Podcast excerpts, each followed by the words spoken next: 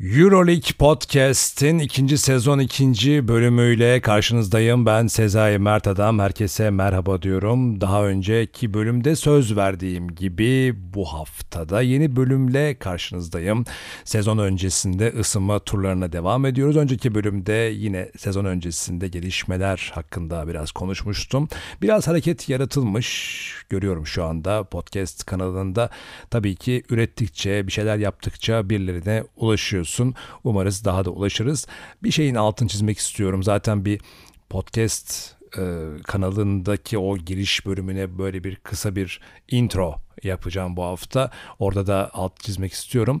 Ben bir basketbol uzmanı, eski bir basketbolcu, yıllarını basketbola vermiş bir yorumcu, bir basketbol antrenörü vesaire gibi e, sıfatlara, ünvanlara sahip değilim. Ben bir basketbol severim. Özellikle Euroleague takipçisiyim. Tabii ki NBA'de çok takip ediyorum. Türkiye Ligi'nde takip ediyorum. Diğer ligleri takip ediyorum. Bir basketbol sever olarak karşınızdayım. Şöyle bir yerden bu muhabbeti sizinle paylaşıyorum. Benim gibi Euroleague başta olmak üzere basketbol maçlarını takip eden, e, bunlarla ilgili fikirleri olan, bunlarla ilgili sohbet etmek isteyen, kendisini ya burada keyif alan, bunlarla e, zaman geçirmekten hoşnut olan insanlara aslında sohbetimi paylaşıyorum. Yaptığım şey bu. Elbette tabii ki bu programı yapmanın bir takım sorumlulukları da var. Öyle kafama göre konuşmak değil program öncesinde kendi görüşlerim, e, gördüklerim, e, naçizane bildiklerimi güncelleyerek ya işte bu programda bu bölümde bundan bahsedeceğim o zaman biraz bunu araştırma yapayım diyorum. Dinleyebildiklerimi dinliyorum, okuyabildiklerimi okuyorum, eksik olan yerleri tamamlamaya çalışıyorum ki biraz daha değerli toplu e, bir bölüm bir program sunayım sizlere diye ama dediğim gibi burada olabildiğince e, daha öncesinde YouTube ondan sonra kanalına koyuyordum. Belki ilerleyen süreçte YouTube'daki bir kanala veya kendi kanalıma ya da bir başka kanala bunu e, koyabilirim. Şimdilik sadece podcast kanallarında devam ediyor. Ama tabii ki yorumlar, etkileşimler, mailler e, vesaireyle bu program diye tahmin ediyorum. Çok da uzatmayayım herhalde derdimi anlatabilmişimdir. Evet bu bölümde Fenerbahçe Beko'yu konuşacağız. Önceki bölümde Fenerbahçe Beko'yu biraz ayıralım bir kenara diğerlerine bakalım demiştim. Genel bir e, perspektif sunmaya çalışmıştım yeni sezonla ilgili, transferlerle ilgili.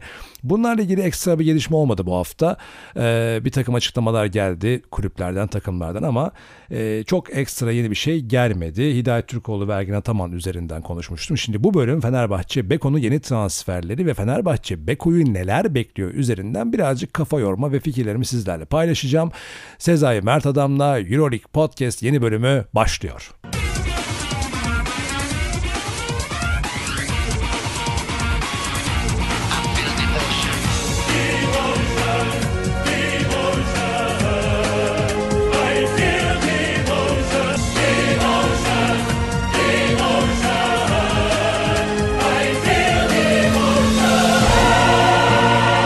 Geçen sezon bu programa başladığımda Fenerbahçe Beko'nun krizi vardı. Ortada büyük bir kriz vardı. Ve o zaman şöyle bir iddiam vardı. Fenerbahçe Beko playoff yapacak diyordum. Ama benim haklı da çıkacaktım bu arada. Ee, her şeye rağmen. Final Four olur muydu bilmiyorum ama playoff yapacak diyordum. Ama haklı çık çıkıp çıkmayacağımı e, hiçbir zaman bilemeyeceğiz. Çünkü koronavirüs, pandemi, salgın vesaire oldu. Ve derken Euroleague ara verildi. Sonra da işte iptal oldu. Ve geçen sezonu e, unutalım dedi Euroleague yönetimi hepimize. Peki diyoruz biz de ama bu neden söyledim? Fenerbahçe Beko'nun 5 yıl üst üste Final Four yapmış. E, 3 defa final oynamış. Birinde şampiyonluk kazanmış Fenerbahçe Beko'nun geçen sene yaşamış olduğu krizi herhangi bir kriz olarak yorumlama şansımız yoktu. Çok enteresan dinamikler vardı.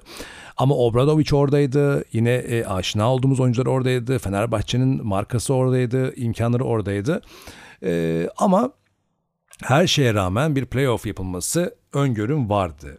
Ama olmadı. Bu sezon bitti. Şimdi olmadı derken yani sezon iptal oldu. Playoff olacaktı bence. Ee, orada bunu şundan dolayı söylüyorum. Orada bir şey vardı. Hani bizim üzerine konuşabileceğimiz bir Fenerbahçe Beko vardı. Yani 5 yıllık öncesindeki 5 yıllık bir tarihselliği olan bir sürecin devamında gelen bir olgudan, bir takımdan, bir karakterden, bir koçtan bahsediyorduk. Ve kriz yaşayan bir Fenerbahçe Beko'dan bahsediyorduk. Bu sezon bitmesinin ardından Obradovic'in ayrılması birlikte Fenerbahçe Beko yönetiminin daha öncesinde Obradovic'le beraber yapmış olduğu bir başka değerli transferin e, varlığı kendisini gösterdi. O da Mauricio Gerardini. Genel menajer. Burada bir parantez açayım yine. E, basketbolda genel menajerlik konusu futbola göre çok daha kurumsallaşmış bir durumdadır. E, futbolda bu deneniyor. E, çok az e, insan genel menajer. Aslında bu futboldaki sportif direktöre denk geliyor aşağı yukarı. Ama Türkiye'de de görüyoruz örneklerini. Avrupa'da da görüyoruz. Bu sportif direktörlük konusu futbol kulüplerinde yeterince olgunlaşmadı. Ama basketbolda böyle değil. Özellikle Avrupa basketbolunda. NBA'de zaten bunlar çok çok daha değerli isimler. Yani çok daha kritik isimler orada. Ama Euroleague'de de e, bütün takımlarda, bütün kulüplerde yeteri kadar olgunlaşmış olmasa da bu işi Gerardini gibi yapan isimler var ve bunlar e, aldıkları paranın, bulundukları konumun, yetki ve sorumluluklarının hakkını veren isimler. İşte Gerardini de bunların en önemlilerinden biri diyeyim. Benetton tecrübesinden de zaten e, internetten araştırarak bakabilirsiniz. Şimdi Gerardini, e, Obradovic'in gitmesi ihtimaline göre iyi bir hazırlık yapmış. Çünkü eğer orada Gerardini olmasaydı açık söylüyorum Ali Koç yönetimi şu anda e, futbola çok odaklı haliyle çünkü futbolda yaşanan iki sezonluk hayal kırıklığından dolayı bu sezon gerçekten bir şeylerin olması gerekiyor. Aksi takdirde kendi varlıkları tehlikeye girecek yönetim olarak ta, iyice tartışılır hale gelecekler ki zaten şu anda bayağı bir prestij kaybı yaşadılar iki sezon içerisinde. Ve bir de bunun üzerine basketbolda basketbol e, bütçesinde de küçülme kararı da alındı. E, bütün Obradovic'in de gitmesini ve artık o 5 senelik rüyanın sonrasında işte bir bir sezon kriz sezonu ve ardından Obradovic gidiyor. E, bütçe küçülüyor. Gözler futbol takımında ve orada Gerardini değil de işte bir yönetici olsaydı klasik anlamda işte basketbol şube sorumlusu herhangi birisi e, belki çok değerli bir isim orada veya çok etkileyici bir isim var ki orada olsaydı belki yine bir fark yaratırdı ama yine de Gerardini kadar olamazdı diye düşünüyorum. Gerardini'nin orada olması ve Ali Koç yönetiminin Gerardini'ye devam etmesi ve ona tüm yetkiyi bırakması Fenerbahçe Beko'nun e, Obradovic'in görev yaptığı süre içerisinde çok uğraştığı hep oralarda olmak, hep zirvede olmak, bunu kurumsallaştırmak düşüncesinin e, taşıyıcısı olması adına çok e, önemli e, hamleler yaptı bana kalırsa. O yüzden Gerardini'ye ile ilgili bir not düşelim en başta. Devamında da Igor Kokoşkov geldi. Kokoşkov'un zaten e, bir NBA kariyeri var yardımcı antrenör olarak. Daha sonrasında Slovenya milli takımı kariyeri var. Obradovic'in yardımcısı e, olarak çalıştığı dönemler var. Bütün bunları yan yana koyduğumuz zaman onu zaten tartışacak bir halimiz yok. Yani zaten bu tarz tartışmaları daha önceki programda da söylemiştim. Hani mesela e, Panathinaikos'un yeni koçuyla ilgili de birkaç şey söylemiştim. E, basketbolda belli olmuyor. Mesela Dimitris Itudis, CSKA Moskova'nın e, baş antrenörü ve şu anda işte kendisini mesela ben öve öve bitiremiyorum. Yere göre sığdıramıyoruz. Birçok basketbol otoritesi de Itudis övüyor ama Itudis CSKA şey Obradovic'in CSKA öncesinde Obradovic'in Panathinaikos'taki yardımcısıydı. E, daha sonra Türkiye'de bir Banvit deneyimi oluyor ve daha sonra CSK'ya baş antrenör olarak giriyor. Yani baktığınız zaman böyle hani CSKA gibi bir marka kulübün baş antrenörü olma öncesinde e, CSK bile ondan e, kariyer anlamında işte git Barcelona'da şampiyonluk kazan git işte Efes'te şunu yap git e, İtalya'da bunları yap böyle bir şey beklememiş. Yani bir, bir analiz yapmış ve Itudis'i doğru hak, e, uygun bulmuş ve onu getirmiş ve Itudis de başarılı olmuş. Dolayısıyla Kokoşkov'un arka planını tartışmak e, gerek de yok. Zaten hani onun buna da ihtiyacı yok. Burada bir problem yok. E, ama bence artı olan bir durum da var. Şimdi e, Euroleague e, döngüsünde e, olan baş antrenörlerden bir tanesi gelseydi Obradovic'in yerine bence o daha zorlanacaktı diye düşünüyorum. Çünkü Obradovic hakikaten çok ağırlı olan bir isim. Yaptıkları ortada. Fenerbahçe ile beraber e, değeri ortada. Fenerbahçe Beko'nun şu anki e, pozisyonu açısından bakıldığı zaman da özel bir e, psikolojik durum da var. Şimdi burada herkesin aklından tabii Yasikevicius geçiyordu. O da gitti Barcelona'ya imzaladı ama belki de Yasikevicius'un yerine Kokoşkov'un gelmesi ileriki zamanda hani hayırlısı olmuş da denilebilir. Çünkü Yasikevicius bir sıçrama yapmak istiyor. Yani Jalgiris'teki sürecinden bir sıçrama yapmak istiyor. Fenerbahçe Beko sıçrama yapılacak olan bir kulüp mü? Yani Jalgiris'in üstünde mi? Evet. Bunu söyleyebiliriz. Ama Yasikevicius belki or, burada hmm, Kokoşkov'un belki katacağı kadar kendisini verecek miydi? Ya da bir takım şeyde bekleyecekti belki de. E, işler yolunda gitmezse belki de e, başka yerlerde ar- arayışa girecekti. İşte Barcelona'ya gitmek gibi Barcelona gibi bir alternatife bakmak gibi. Oralarda Fenerbahçe Beko ile kendisini ne kadar özdeş tutacaktı? Yani Fenerbahçe Beko'nun aslında elinde şu anda çok büyük bir e, Yasikevicius gibi veya Euroleague'de e, döngüde olan e, koçlara e, sunacağı bir proje var mı? Yoksa e, Obradovic sonrasını e, sakince bir geçiş sürecini yönetecek e, deneyimli bir koça mı ihtiyacı var? Bu anlamda ben Gerardini'nin Kokoşkov tercihine güveniyorum açıkçası. E, ben bu sürecin Kokoşkov tarafından iyi yöneteceğini düşünüyorum. Dediğim gibi e, şimdi Fenerbahçe taraftarının tabii ki reaksiyonları burada çok önemli olacak, belirleyici olacak. Oralara zaten programın ikinci bölümünde geçeceğim. Dolayısıyla Gerardin'den sonra Kokoşkov'u da e, burada bir not düşelim. Yeni e, baş antrenörü de Fenerbahçe Beko'ya hayırlı olsun diyorum. Ben umutluyum açıkçası. Ama umudumuzu nereden üretmemiz gerekiyor. Şimdi onlara bakalım. Yeni transferlere bakalım. Önce gidenlere bakalım. Şimdi Obradovic gittikten sonra Datome, Slokas, Derek Williams, Kalinic, Löwen, e, Nanali şu an boşta yani serbest kaldı. E, Malcolm Thomas gitti. Egehan, Efe ve Ekrem ayrıldı takımdan ama şimdi ona bakamadım. Sanırım kiralık olan da vardır belki ama onu tekrar bak özür dilerim dinleyenlerden ama kiralık olan da var galiba onların arasında. E, zaten çok süre alan oyuncular değil ama genç ve yetenekli arkadaşlar. Bunlar Türkiye Ligi takım, takımlarına gittiler. Ama bakalım kimlerin yani tekrar gidenlere bakacak olursak Datome, Slokas ve Kalinic'in gitmesi bir dönemin kapanmasının son hareketidir. Obradovic sonrasında Datome, Slokas ve Kalinic gibi. Çünkü şeyi hatırlayın e, Fenerbahçe Beko'nun şampiyon olduğu final oynadığı sezonları da hatırlarsanız oralarda bu isimler hani böyle omurgayı oluşturan isimler. İşte Bogdanovic vardı, işte Bielisa vardı. E, bu isimlerin gitmesi ne ilaveten işte geçen sene denenen bence çok iyi de olabilecek olan ama geçen seneki koşullar açısından iyi olacak olan Derek Williams ve e, Malcolm Thomas'ın gitmesi de aslında şöyle oldu. Yani geçen sene bir şey denedik olmadı. Siz de iyiydiniz ama tam oturmadı. İsterseniz gidin çünkü yepyeni bir şey oluşturuyoruz şeklinde. Bence orada hayırlısı olmuş. Yoksa gerçekten değerli isimler ve geçen sene iyilerdi bana kalırsa Williams ve Thomas. Löwen buradan eleştirdiğim bir isimdi. Löwen hiç olmadı zaten. Yani hiç olmadı. Ee, bu sene de artık iyice yük olacaktı. Onu da ayrılmış. Onun da yeni takımında başarılar diliyorum. Geçen bölümde de söylemiştim zaten bu ismi gittiği yerlerden. Datomes, Lucas ve Williams artık zaten devam edemeyecekler. Yani Kokoşkov değil Phil Jackson gelse olmayacaktı. Ee, o nedenle bu isime gitmesiyle beraber artık gerçek anlamda bir yeni sayfa açılıyor.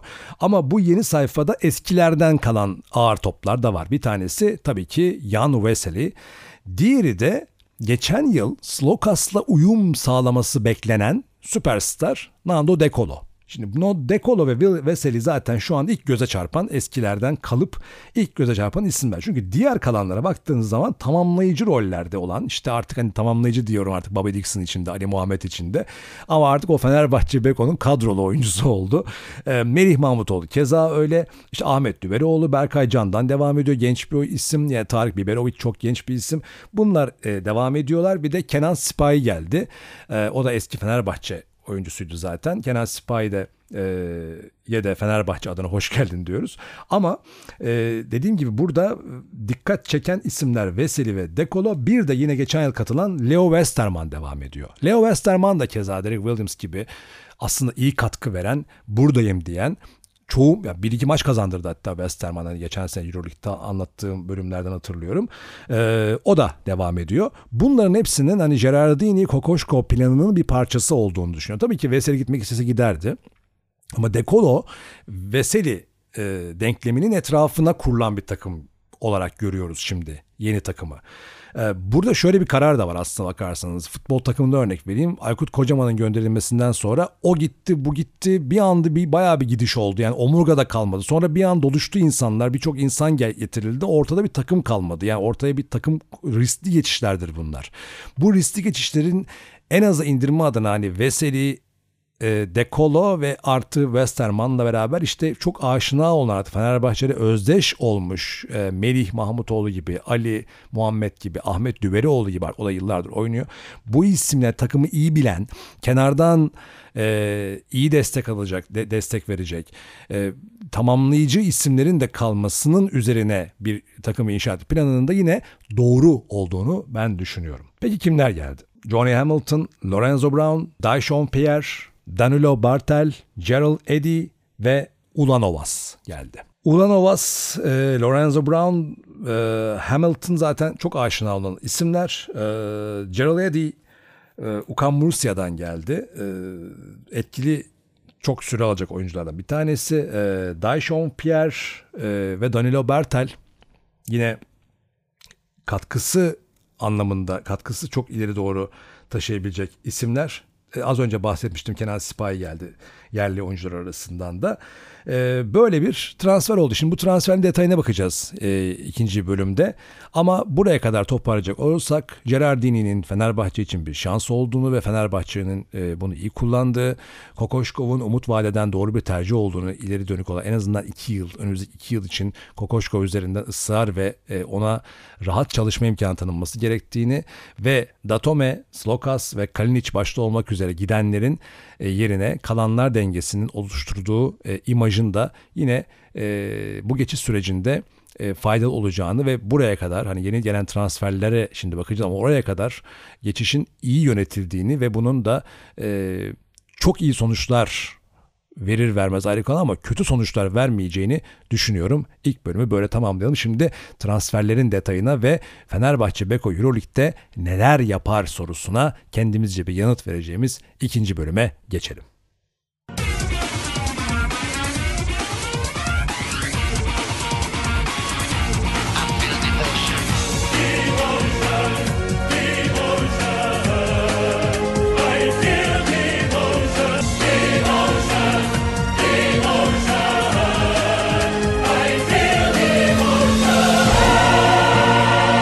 Evet şimdi pozisyon pozisyon bakalım kimler gelmiş diye.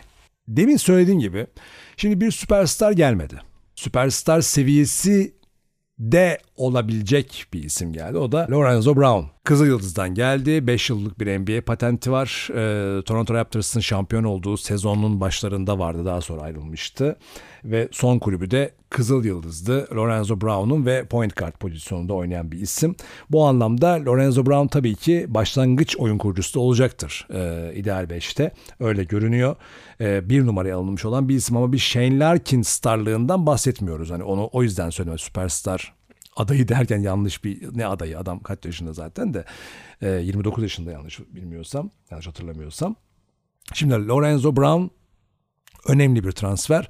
E, düşünülmüş yani sorumluluğu e, yüksek olacak e, bir isim ve bir numara pozisyonunda. Burada gördüğümüz şey şu demin söylediğim gibi Dekolo Veseli denkleminin etrafındaki ilk önemli parçayı Lorenzo Brown olarak görüyoruz. Bir numarada Brown'a alternatif olan isimler de tabii ki var. Bunlar da işte e, iki numara olarak bilinen Leo Westerman ama birde de oynayabiliyor. Bence birde de çok tatlı işler çıkarıyor Leo Westerman. Ee, tabii ki Bobby Dixon, Ali Muhammed var. Ee, ve Kenan Sipahi de tabii ki bir, iyi bir oyun kurucu. Burada bir rotasyon var ama Dekolo da zaten top getiren ve oyun kurucu pozisyonda geçebilen bir isim ama Dekolo'nun hani Slokas Dekolo denkleminin e, bir türlü oluşmayışı o iki uyumu geçen sezonda ya bunlar tam bir anlaşamadılar işte çünkü şey beklentisi de vardı yani pota altında Derek Williams veseri e, şeyde de oyun kurucu tarafında da ve tamamen oyunun liderliği tarafında Slokas Dekolo e, uyumu beklentisi vardı. Bunlar böyle bir cızıt pızıt bir kere bile olduğu zaman bütün her şey değişiveriyordu. Ve burada işte belki de hani Slokas seviyesi o e, egosal seviye olarak söylüyorum. Hani o seviyenin bir tık altında bir isimle ama işe yarayacak kaliteli bir isimle o da Lorenzo Brown e, dekolo liderliğini e, uyum sağlama adına tercih edilmiş olabilir diye düşünüyorum. Bir başkası şimdi şey tarafına geçelim o 4 numara tarafına geçelim. 4 numarada biliyorsunuz Nicolo Melli'nin aslında pek açığı kapatılamadı. Geçen sezon Nicolo Melli'nin yokluğu çok hissedildi. Yani Gudur için değil de e, Melli'nin yokluğu çok hissedildi. Burada beklenti bir Alman oyuncu Danilo Bartel. O da Melli'nin geldiği yerden Bayern Münih'ten geliyor. Ama bu Alman, öbürü İtalyandı. E, Bartel kendisi söylemiş zaten böyle bir Melli beklentisi var benden de. Çok da benziyor tabii ki o açığı kapatması. Ya çünkü Melli aslında hani her zaman 5 oynayacak, ilk 5 oynayacak oyuncu olarak görünmüyordu. İlk 5'te çıktı oluyordu. Hatta bazen ya ideal 5'te Melli olması lazım diyorduk ama e, yani direkt 5 oynayacak ya da daha doğrusu bütün yükü üzerine konulacak bir isim değildi. İyi bir tamamlayıcıydı. E, özellikle 4 numara pozisyonunda Fenerbahçe'nin oyun planına çok uygun bir isimdi. Ama onun gidişinden sonra orası bir açık kaldı. Derek Williams başka tarzda bir oyuncu olduğu için Veseli Tabii Veseli'nin sakatlıkları, formsuzlukları falan da vardı ama burada şimdi soru işareti Danilo Bartel ile Veseli'nin pota altında oluşturacağı e, uyum nasıl olacak ve Bartel Melli'nin katkısını verecek mi? İşte Brown, e, Decolo, Bartel ve şeyin e, Veseli'nin uyumu önemli. Burada bir de yine yırtıcı bir pivot e, Darüşşafaka'dan tanıdığımız Johnny Hamilton 5 numaraya geldi bir alternatif çünkü Ahmet Düverioğlu ve Vesey dışında orada bir alternatif yoktu. Johnny Hamilton'ın burada en azından bir alternatif oluşturması. Çünkü West, e, Williams'tan daha da farklı bir isim Hamilton. E, oyun tarzı ve fizik olarak da farklı.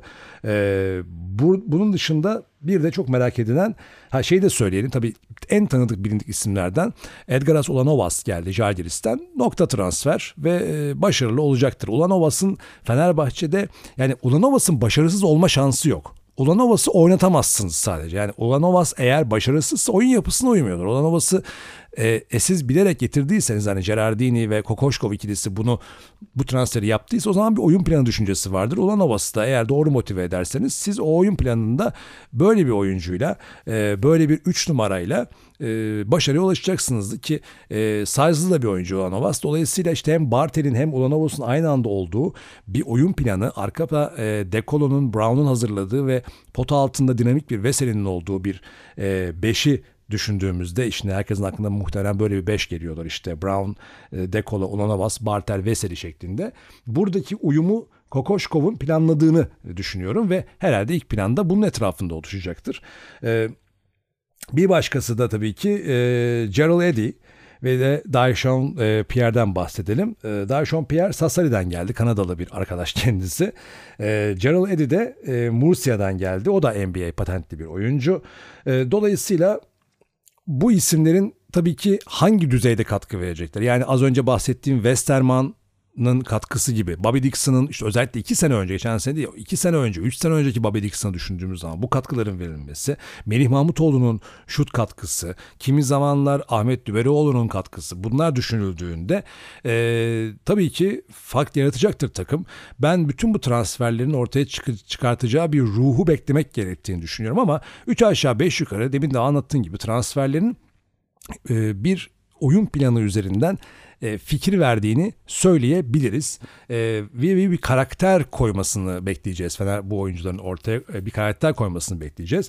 Bir de geçen sene göre daha efektif bir bench geliyor Fenerbahçe için. Yani dediğim gibi az önce saydığım tahminim 5 olanın olan 5'in arkasında Westerman, Dixon, Kenan, Eddie, Pierre, Hamilton, Melih, Ahmet, Biberovic gibi bir bench. Hani hepsinin artık hani Biberovic de iki sene oldu artık onu profesyonel olduğunu düşünecek olursa Kenan Sipahi tecrübeli bir isim. Dolayısıyla daha efektif bir bench bekliyorum bu anlamda. Peki Fenerbahçe ya bir de şey de söyleyeyim tabii şimdi oyuncuları tek tek baktığın zaman e, Murat Muratonoğlu şöyle bir yorumu vardı transferlerle alakalı. Dedi ki hani iyi parçalar var. Ee, bir otomobil açısından yorumlayarak söylüyor. İşte akü iyi, şanzıman iyi, kaporta iyi, direksiyon iyi falan bir şeyler söyledi ama motor var mı dedi. Ee, işte belli ki o motor Veseli Dekolo. Motor öyle düşünülüyor. Ee, ben de tek tek oyuncuların böyle artık böyle dideliye dideliye tek başına e, şey yapmaya analiz etmeye çok gerek duymuyorum. Çünkü onların burada vereceği mesela Geoffrey Löwen örneği verdi. Yani Löwen kötü bir oyuncu mu? Adamın NBA kariyeri var zaten. Ama olmayınca da olmuyor bazen. Burada önemli olan oyun planınızın ne olduğu, neden aldığınız ve o kişinin takım daki oyun planına uygunluğu, bütün bunların yan yana gelmesi, geçen sene olduğu gibi bir psikoloji değil de daha iyi bir psikolojiye denk gelmiş olması vesaire birçok etmen var. O nedenle daha genel bir yerden bakarak söylediğimde burada bilerek iyi bir plan yapılarak genel menajerle e, head coach'un bir organizasyonu çerçevesinde efektif hani bir bütünlüklü kadro kuruldu ve burada da işte nereden oyunu ana eksenini nereye koyacağını da şimdiden kendisini belli eden bir takım görüyorum. O nedenle iyi bir geçiş dönemi yönetimi olduğunu düşünüyorum. Benim ben umutluyum ama dediğim gibi burada ileri öne çıkan oyuncular da olacak. Belki biraz daha hayal kırıklığı yaratan oyuncular da olacak. Bunları sezon içerisinde göreceğiz.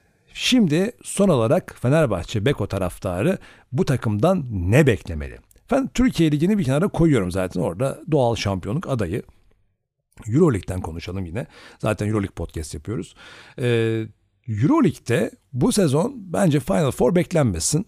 Çünkü e, bütün bu anlattığım olumlu görüşlere karşın ilk bölümde de söylediğim şampiyonluk adayları konusu vardı. E, yani Fenerbahçe Beko şu anda şampiyonluk adayı değil.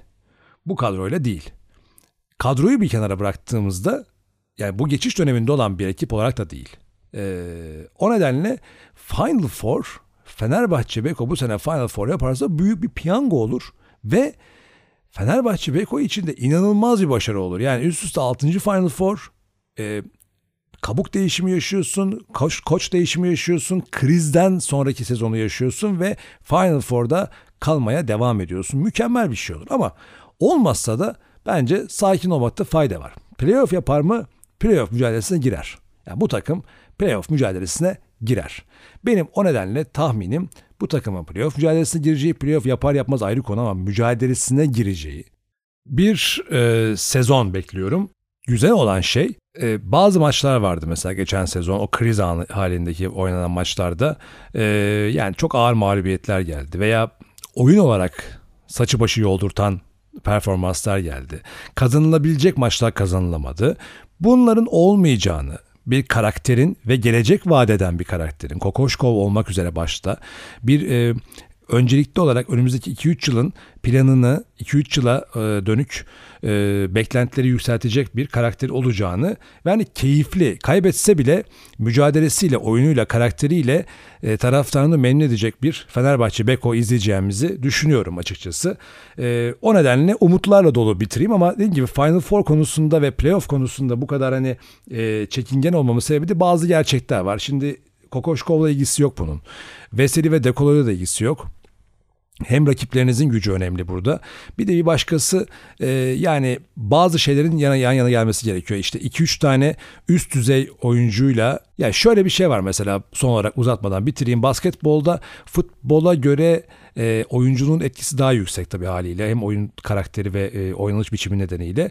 Şimdi en üst düzey oyuncu var, üst düzey oyuncu var normal oyuncu var, sıradan oyuncu var ya da iyi oyuncu var, sıradan oyuncu var öyle söyleyeyim. Bu dört kategorinin iyi dağılması gerekiyor. Bir de en üst düzey oyuncunuzun hangi pozisyonda olduğu da önemli. En üst düzey oyuncunuzun olup olmadığı kaç tane olduğu önemli. Şimdi Fenerbahçe Beko'da Dekolo ve Veseli'yi en üst düzey oyuncu sınıfına sokabilir miyiz? Bence sokabiliriz ama iki tane en üst düzey oyuncunun yanına sizin bir tane de üst düzey oyuncu yanına da 3-4 tane iyi oyuncu koymanız gerekiyor belki şampiyon mücadelesi için. Fenerbahçe Beko'nun daha önceki dönemde işte Bogdanovic, Yudoh gibi e, etmenlerinin Bielisa gibi e, ekstralarının olduğunu unutmayalım. Ama tabii ki arkasından mesela önce Bielisa gitti sonra Bogdanovic ve Yudoh gitti ama ardından işte Melli geldi, Guduric geldi böyle oturmuş işte Slokas'ın, e, Veseli'nin, e, Datome'nin olduğu bu şampiyon takımdan gidenler evet büyük star mesela Bogdanovic gibi bir star gitmiş, Yudoh gibi önemli bir parça gitmiş ama yerine de hani o sistemi sürdürebilecek yine iyiler gelmiş. Böyle bir süreç var. Şimdi yeni bir şey başlıyor. Burada tamamen işte bizde de Dekolo Veseli var işte zaten işte Lorenzo Brown var. Bartel de o açığı kapadı. Yani bu kadar fazla beklenti arttırmaya gerek yok. Kadro yapısı, yeni bir e, koç oluşu ile birlikte hani siz çok üst düzey bir kadro da yok şu an elimizde. Yani mesela bir zamanlar CSKA Moskova'nın bir takımı vardı. İşte Teodos için olduğu, Kirilenko'nun olduğu bir takım vardı. E, dehşet bir takım kurmuşlardı. Yani o takım zaten oynuyordu. Yani o takım e, zaten şampiyonluk adayı. Yani sadece e, kağıt üstünde görüyorsun bu nasıl bir takım diyorsun. Fenerbahçe Beko'nun da bir ara öyle bir takımı vardı. Ee, özellikle Bogdanovic'in olduğu zaman işte Bielisa'nın olduğu zaman böyle bir takım da vardı. Ee, mesela Barcelona şu anda kağıt üstünde e, oraya yakın bir dur, e, duruyor. Efes'in favori olduğunu söylemiştim. Real Madrid, CSKA şimdi yeni yine Messina yönetiminde yeni transfer mesela geçen sene de Messina e, Avrupa'nın en üst düzey 2-3 isminden bir tanesi ama hani Milano ile bir yere kadar gidebildi. Hem onun yeni sezonuydu, ilk sezonuydu. Hem de sadece bir Sergio Rodriguez vardı en üst düzey oyuncu olarak diyebileceğimiz. Belki hani Scola'yı oraya çok koyamıyorum şu an çünkü yaşı itibariyle.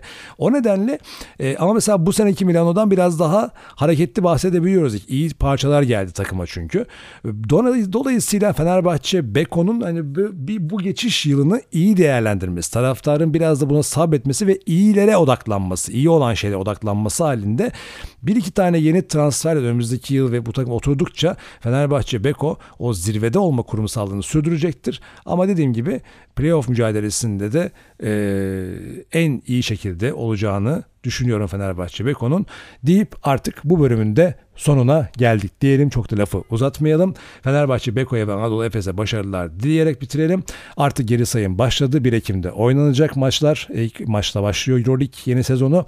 Muhtemelen bir veya iki tane daha yine sezon öncesi program yaparak biz de sezondaki yeni formatımızda sizlerle birlikte niye biz diyorsam işte ben de yeni formatımda sizlerle hafta hafta beraber olmaya çalışacağım. Ben Sezai Mert Adam. Euroleague Podcast ikinci sezonun ikinci bölümünün sonuna geldik. Bir sonraki bölüme kadar kendinize iyi bakın. Hoşçakalın diyorum.